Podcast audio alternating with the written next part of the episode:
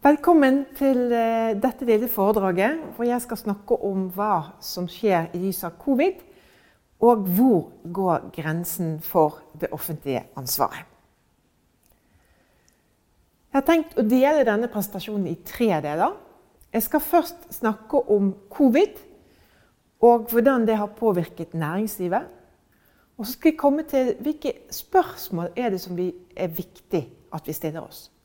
Og jeg har ikke tenkt i dette foredraget å konkludere på noen måte. Snarere så har jeg tenkt å stimulere til undring og eh, spørsmål. For det er ikke noe ferdige svar på de dilemmaene jeg stiller opp. Så som punkt nummer to så skal jeg gå inn og se litt på frivillig sektor. Eh, og se hvordan frivillig sektor har vært rammet av covid. Og si også litt om eh, hva slags type spørsmål er det vi må stille oss nå. Og til slutt skal jeg gå inn på covid og hvordan det har påvirket oss som enkeltmennesker, og hvilke dilemmaer vi står oppi nå. Så la meg starte med næringslivet. Eh, denne kurven viser BNP for eh, Fastlands-Norge. Eh, og der 2020 er da 100. Så dere vil se det at i mars skjedde det noe veldig viktig. Da stengte Norge. Og det ser vi umiddelbart på BNP. Så ser vi også at eh, siden mars så har vi hentet oss ganske raskt opp igjen. Og eh, det er ikke sånn at vi eh, har vært igjen med en varig nedgang. Heller eh, så er det sånn at det er en V. Så ser vi at nå på slutten har vi flatet bitte litt ut. Men det ser fortsatt ut som at vi begynner å hente oss opp igjen. Så det er ikke alle som er enig i at det dette bildet vi ser for oss. Noen frykter at eh, nå med den siste tids eh, nærmest nedstengning, i hvert fall har det vært ganske mye restriksjoner, så er det mange eh, små og mellomstore, men også store virksomheter som sliter. Og én ting at de klarte mars, men når denne nedstengingen blir ganske langvarig, og vi får den langvarige effekten av covid, så er det mange bedrifter som kanskje eh, ikke klarer å holde ut så mye eh, lenger. Så nå ser vi at flere og flere bedrifter kommer og sier at de er redd for at de vil ikke klare seg gjennom denne eh, tøffe tiden. Og det gjelder mange bransjer. Eh, her illustrert ved eh, utelivet, som sier at eh, skal vi tjene 100 kroner dagen, så er det i grunn bedre å stenge. Men vi ser også andre bransjer som også sliter gjennom at vi har hatt denne oppmuntringen at folk skal holde seg hjemme.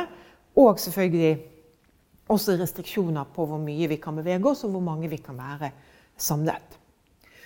Staten har gått inn med mange eh, forskjellige eh, støtteordninger under eh, covid-19.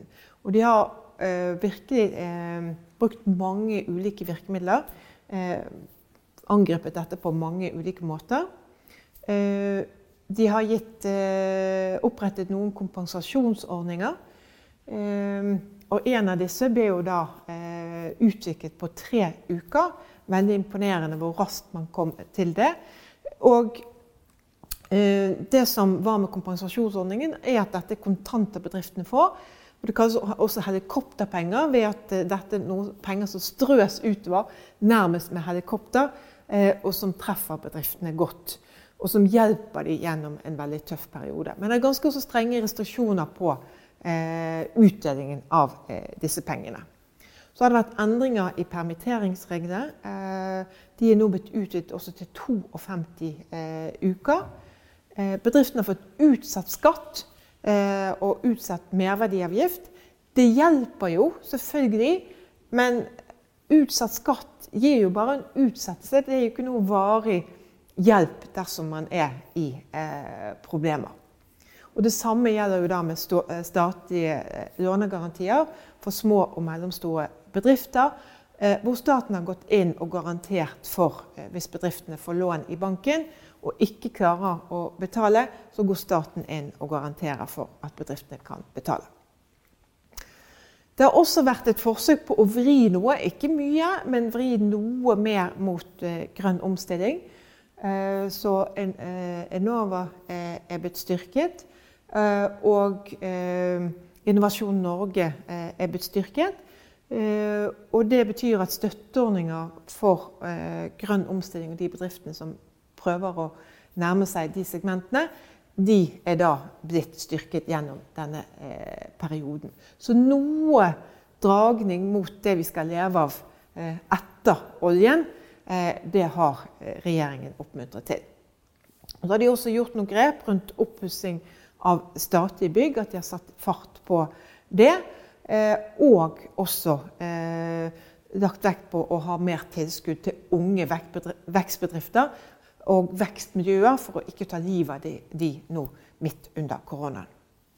Noe av det som er interessant å se på hvis vi eh, studerer, og her er jeg klar over å tale eh, figuren er ganske liten, men hvis dere ser de tradisjonelle støtteordningene vi har, eh, de ligger da i disse stolpene. Og i det rosa så viser det eh, disse støtteordningene som er kommet Eh, nå eh, gjennom eh, kompensasjonsordningene. Og da vil dere se at de bedriftene som normalt får støtte av Innovasjon Norge og av andre, det er ikke de som nå får støtte gjennom disse kompensasjonsordningene. Så det er helt andre bedrifter. Det er typisk frisører, restauranter, tjenesteytende bedrifter som henvender seg mye til et publikum. Så vi ser at det er andre som nå får støtte og har behov for støtte, enn de som vi ellers støtter gjennom eh, denne type eh, tiltak. Så var det disse spørsmålene, da. Eh, det ene spørsmålet som var veldig viktig også i diskusjonen da vi snakket om den første kompensasjonsordningen, gjaldt jo dette hva er det staten eh, har ansvar for. Og da var det sagt at når staten stenger ned, eh, så er det helt klart at da sier du at du har måte et forretningsforbud. Du får ikke lov å drive f.eks. frisørvirksomhet eller restaurantvirksomhet. Og da har staten et, på mange måter et direkte ansvar for at du skal stenge ned.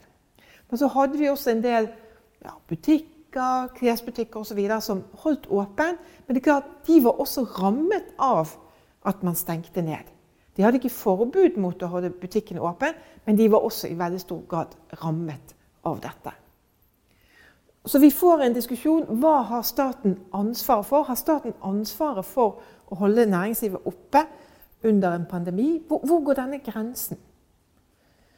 Og Det er veldig vanskelig å definere denne grensen, men jeg tror det er viktigere å spørre og stille det andre spørsmålet. Hva er det staten uh, Hva er statens interesse? Og det er i statens interesse at når vi kommer ut av denne pandemien, så har vi le et levedyktig næringsliv. Som ikke har måttet stenge ned, og hvor vi har fått et konkursras gjennom denne. For det, det, er, ikke, det er mange som ikke har klart seg gjennom denne pandemien. Så da er det faktisk i statens interesse å gå inn og prøve å hjelpe bedriftene gjennom denne overgangen. Og det er vel sånn også at jeg opplever at staten har tenkt. De har ikke vært opptatt av den juridiske siden av dette og si hva er vi forpliktet til. Men de har mer sagt at vi er opptatt av å holde økonomien i gang. Og da er det i vår interesse å også sørge for at bedriftene kan overleve eh, gjennom denne krisen. Så kommer det opp spørsmål. Eh, og da det var diskusjon av kompensasjonsordningen, så var det noen som var opptatt av at ja, men vi må jo passe på at bedriftene ikke deler ut utbytte til sine eiere gjennom denne perioden. At eierne på andre måter ta, gjør veldig, så veldig nytte av de midlene som de tilføres fra staten. Og Da var det et dilemma eh, mellom hvor mye kontroll hvor mye kontroll skal du ha eh, ved utbetaling av pengene, og hvor mye skal du eh, velge å se gjennom fingrene at det faktisk kan skje noen feil utbetalinger. Og man fant frem til en ny ordning hvor man sa det at det vi gjør, det er at vi legger dette åpent. Det var åpent for alle eh, de bedriftene som har søkt, og hvem som har fått støtte. Og gjennom det så oppmuntrer vi gjennom denne åpenheten, så blir det lettere også for andre å gå inn og kontrollere at noen ikke urettmessig har fått penger.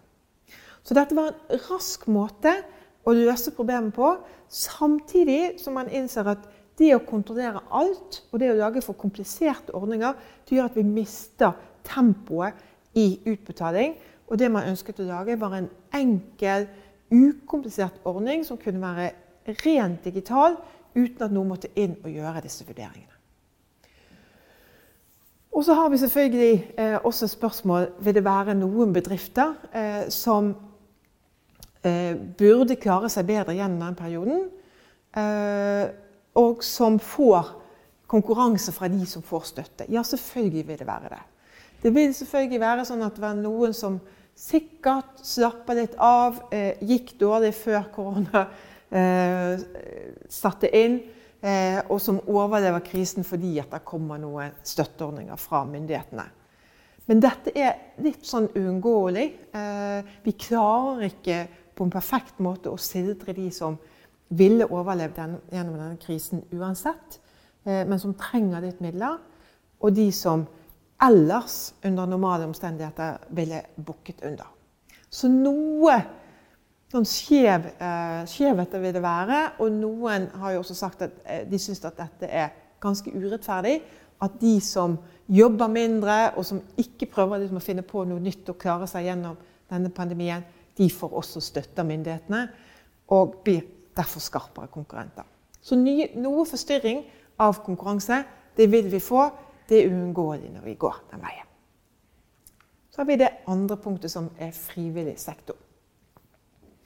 Frivillig sektor er som næringslivet selvfølgelig også blitt skadelidende. Ehm, som næringslivet har også frivillig sektor eh, tapt mye inntekter gjennom denne perioden. Og det er et ganske interessant arbeid som er blitt gjort. Ehm, og her står eh, referanser til hvem som har gjort det her. Ehm, rundt eh, hvem som har søkt om støtte til myndighetene, og hvem som har fått støtte fra myndighetene. Og det er ganske mange frivillige organisasjoner og innenfor frivillig sektor som har søkt. Og det har vært to kompensasjonsordninger. Den ene var på 900 eh, millioner, og den andre var på nærmere 1,2 milliarder, utbetalt i to eh, omganger. Og det som er interessant, som da eh, Arnesen, eh, Sivesin og Enduras eller noe sånt, eh, finner ut av, og dette er en undersøkelse gjort da i 2020 eh, Det de finner ut av, er at selv om det er mange som søker, så er de sektorene som har nytt godt av disse midlene, de er da ganske få. Så det er eh, kultur, Eh, og det er frivillig kultursektor, så det er ikke den eh, som kan gå inn som en form for næring. Men dette er frivillig eh, initiativ innenfor kultursektoren og idrett, som er de store mottakerne av disse midlene. Og det, selv om idretten sto for en stor andel også av eh, søkningen til eh, disse pengene, så stikker de på en måte av med en mye større andel eh, av pengene. Så eh, disse to eh, ordningene har stort sett gått eh, til eh, idrett og til eh, kunst og kultur. Og noe til barn og ungdom, men da ikke noe store andel, bare 5 Mens henholdsvis 71 og 54 har da gått til idretten. Så det sier noe om de frivillige. Hva er det vi har valgt da å bruke Eh, pengene til. Dette er typisk midler som skal dekke under eh, som skal dekke eh, tapte billettinntekter og, og, den type ting som man ikke får i denne perioden.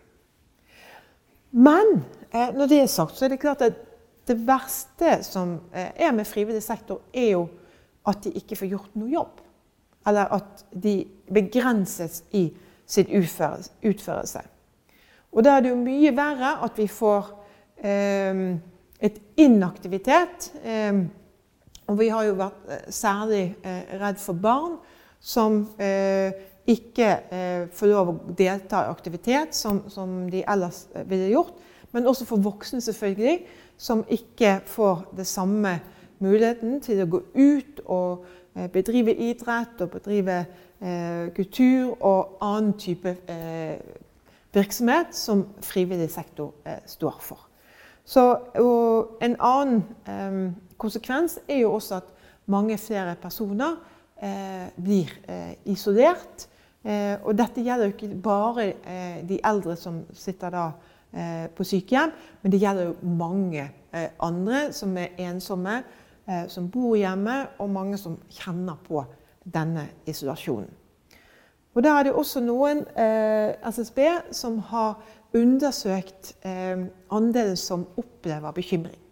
Og Det SSB gjorde, det var å ta, eh, gjøre en undersøkelse, eh, en webundersøkelse av eh, livskvalitet. Og de tok det rett før pandemien, eh, altså rett før nedstenging av Norge, og rett etter. Og så så de hvem er det, hvor er det vi øker bekymringen. Og de grønne linjene eh, er da eh, det som var før eh, disse tiltakene satte inn. Og de sorte er de som da er etterpå. Og når vi ser på dette, så ser vi at en gruppe som f.eks. de arbeidsledige, de er bekymret i utgangspunktet. Og det er jo ikke så rart når du eh, har mistet jobben din. Men de som øker mest eh, gjennom at det skjer en sånn nedstenging av Norge, det er spesielt to grupper. Det er aleneboende under 45 eh, år. Og det er innvandrere eh, som også øker sin eh, bekymring. Fra at under 30% er bekymret, til ca. 40 nå er bekymret. Så en betydelig øking i antallet som er bekymret. Mens de som da er pensjonister, Eh, og personer over 65 år de er noen av de som er minst bekymret også i utgangspunktet. Og som heller ikke øker bekymringen så mye som andre eh, grupper gjør. Så det er altså noe med at folk også blir mer bekymret, eh, blir mer redd. Eh, opplever at de blir mer eh, isolert. Og dette kan jo også gjøre at de psykiske eh, lidelsene og plagene vil øke i takt med korona, og noe vi skal være oppmerksomme på. Eh, det har også vært snakk om andre deler av eh, frivillig sektor som eh, ikke fungerer optimalt under korona. Det er noe tilbud, men slike ting som akuttovernatting for de kanskje aller mest sårbare Igjen sånn så vil jo korona gjøre at det blir mindre, ofte mindre plass, fordi vi må ta disse smittevernreglene. Og det går utover noen av eh, de mest eh, sårbare. Så selv om frivillig sektor har mistet en del av inntektene, så er det nok mye større problem at eh, frivillig sektor gjennom denne perioden har vært begrenset i sin mulighet til å faktisk kunne drive aktiv, aktivitet og oppmuntre andre til å være aktive. Så viktige spørsmål her ehm, det er jo for det første hva vil egentlig skje eh, nå etter pandemien?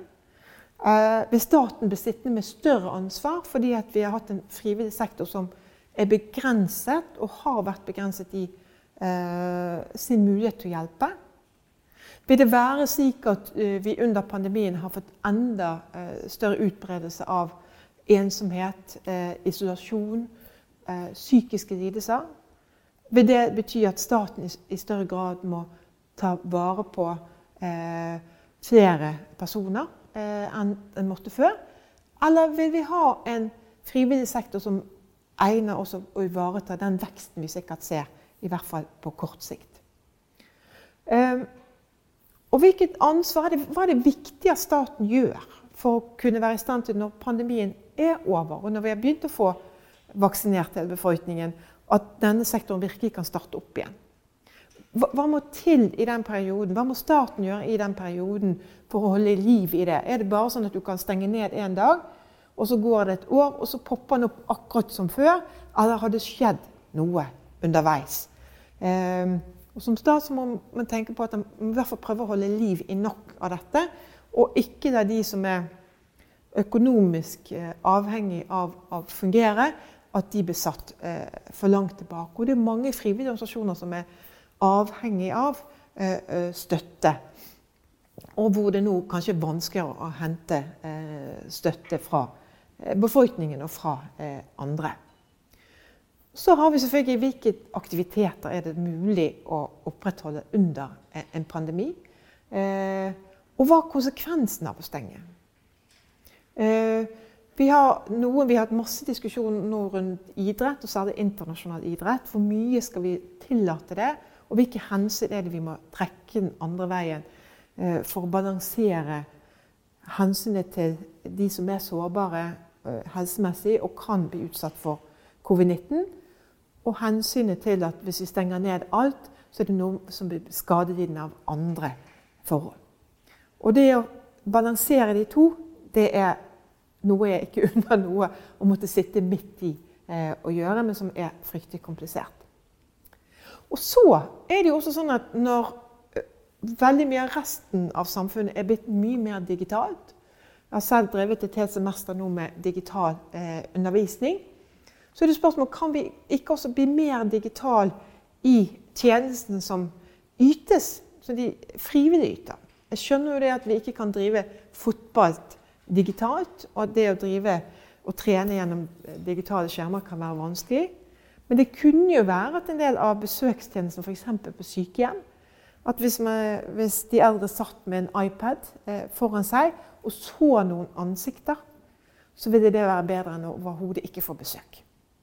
Så det går jo an også å tenke eh, mer digitalisering, også innenfor eh, frivillig sektor. Eh, men det vil jo også si at akkurat i hvert fall en overgangsperiode så må kanskje eh, kommune og stat være villig til å investere mer i teknologi på sykehjemmene. Eh, og bruke den tiden det er for å hjelpe de eldre å komme opp på nye, ny teknologi. Så jeg tror det er viktig for å bøte på nettopp den andre, den ensomhetsfølelsen, isolasjonen. Og vi kan også tenke litt nytt. Så det tredje eh, delen av denne, dette lille foredraget skal handle om covid og enkeltmenneskene. Og noe av det vi virkelig har prøvd i Norge, det er å prøve å balansere at eh, så få som mulig av de sårbare får covid og så har vi balansert det opp mot at vi ikke stenger eh, for mye. Og at vi ikke er eh, for streng i måten vi håndhever tiltakene på.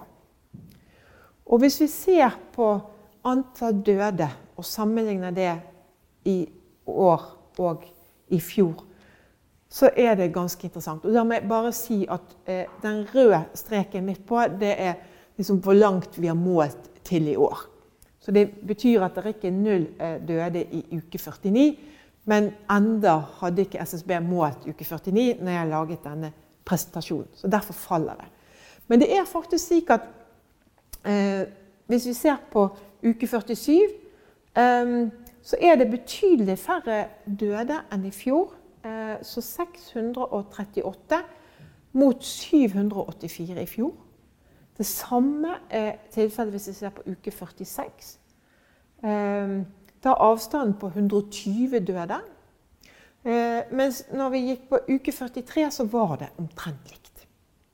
Så faktisk er det slik at hvis vi ser eh, dette året vi har tall for under ett, så er det noe lavere dødelighet i år enn det var i fjor. Og det har selvfølgelig med tiltakene å gjøre. Så tiltakene har ikke bare virket på korona, det har også virket på andre sykdommer som særlig eh, eldre får.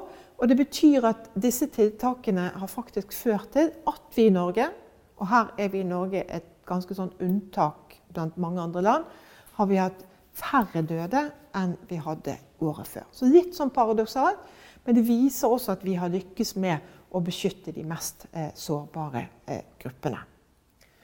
Og ser vi eh, og sammenligner nøkkeltall eh, for eh, Norden, eh, så ser vi også at vi i Norge har lykkes ganske godt. Og her er det jo kjent at Sverige på mange måter er den som er den spesielle, og hvor smitten virkelig har tatt grep. Eh, og Sverige har også betydelig antall flere døde enn eh, det vi har i Norge. Så i Sverige sammen med Norge så har man hatt en økt eh, dødelighet pga. Eh, korona. Men vi ser også at solidariteten eh, som vi har hatt, den begynner å slå sprekker. Eh, og eh, folk begynte å demonstrere i gatene og si at nå vil vi ikke leve i isolasjon lenger. Det begynner å gå på livene våre løs. Og vi ønsker ikke igjen nå lenger å å lyde eh, myndighetene. Vi vil ut, vi vil være i aktivitet. Eh, vi ønsker ikke lenger å holde oss hjemme. Eh, og dette setter på en måte hele det, den solidariteten og den kontrakten mange måter vi har hatt mellom de sårbare gruppene og de som ikke er så sårbare. Den setter hele den kontrakten som har vært uformell, setter den litt på spill. Så det betyr også at vi har noen eh, spørsmål også når det gjelder enkeltindividene. Og det første spørsmålet er jo hvor langt er det riktig å prøve å gå inn i enkeltmenneskers liv og prøve å regulere deres atferd. Og hvordan skal vi balansere det mot det også å skulle beskytte de mest utsatte. Og Det er det jeg opplever at norske myndigheter har prøvd gjennom hele denne covid-perioden. Og prøve å balansere de eh, hensynene. Og dette er ikke noe enkel eh, oppgave å gjøre. Eh, og det har jo selvfølgelig eh, blitt debatt rundt en del av disse tiltakene. Eh, den siste debatten som nå har vært, har vært rundt eh, det å, å, bare skulle ha fem personer hjemme på besøk. og hvor noen har ment at dette strider mot menneskerettighetene. Og det er bra at vi får en debatt rundt hvor langt skal man gå. Eh, men det er også eh, samtidig klart at vi må gå inn og begrense enkeltindividers frihet i denne perioden hvis vi skal klare å få bukt med eh, covid-epidemien. Og vi hadde også en, et forsøk på smittestopp. En, en app som skulle følge oss, og som skulle gjøre det lettere å spore smitten. Eh, som Datatilsynet eh, sa nei til at vi fikk lov å implementere. Og jeg tror vi etterpå også må få en diskusjon av hvor langt skal personvernet strekke seg i den type situasjoner vi er i nå. Og eh, hvor mye skal eh, koronaepidemien få lov å også overstyre rettigheter som vi normalt eh, vil ha. Så det å tenke seg hvor langt skal vi gripe inn eh, Og i Norge har vi i ganske stor grad eh, valgt å si at dette skal skje gjennom selvregulering. Gjennom at individene selv skal overholde eh, de lovene. Så har vi fått noen flere restriksjoner eh, på plass etter hvert. Men dette er et sånn kjernespørsmål. Eh, og griper også inn i våre liv og personvernet. Og det å avveie det, er viktig. Men vi må samtidig også være oppmerksom på at vi har trengt å gå noe lenger i denne perioden enn vi ellers ville ha gjort. Neste spørsmål er jo hvordan ønsker vi å håndheve koronalovene? Når vi får sånne restriksjoner, og politiet er rundt og får melding om fester, og rundt og bøtelegger eh, Det har vel stort sett vært ungdommer som har hatt disse festene, men sikkert også andre. Um, hvordan ønsker vi? Ønsker vi at politiet nå skal prioritere masse ressurser på å håndheve denne type lover? Ønsker vi at folk skal si fra? Ønsker vi at vi skal få et samfunn der du sødrer på naboen? Ja, også dette er ganske vanskelige spørsmål. ikke sant? På den ene side så hjelper det oss til å håndheve når noen sier fra at det er en fest i nabohuset ved. Men samtidig så ønsker vi heller ikke gå for langt mot et sånt angiversamfunn, og at alle står og skuler på hverandre.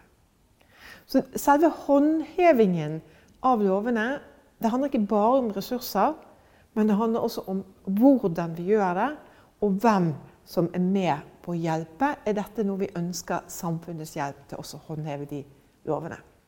Mm. Dilemmaet her. Og hvem bør håndheve? Staten eller kommunen? Eh, jeg synes Til å begynne med så, så vi veldig sterkt at da var det staten som var sterk.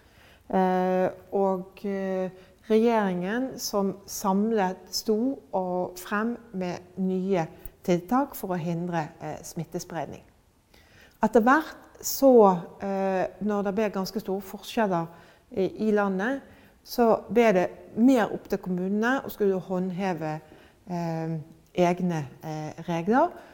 Og jeg syns vi så tendenser, kanskje spesielt i begynnelsen, at folk tok det ikke fullt så alvorlig eh, når kommunen sa det, som når regjeringen sto og sa det. Og så har det kommet seg litt etter hvert. Men det er klart at her er det en litt sånn igjen vanskelig balanse. Eh, hva skal regjeringen gjøre? Hva skal enkeltkommunene eh, eh, gjøre? Og kommunene kan ikke forvente tror jeg, å ha samme legitimitet i forhold til å håndheve dette som staten har. Men jeg synes samtidig at vi ser nå også i mange kommuner at befolkningen har skjønt at dette er faktisk i alles interesse å gjøre noe. Så vi har noen dilemmaer, og spesielt der vi står nå, så begynner folk å bli lei. Eh, og spørsmålet er hvordan klarer vi å balansere dette igjen? At vi klarer eh, å komme oss gjennom de siste månedene og ikke slipper opp eh, for raskt, sånn at vi klarer å fortsette den gode utviklingen som Norge tross alt har vært igjennom.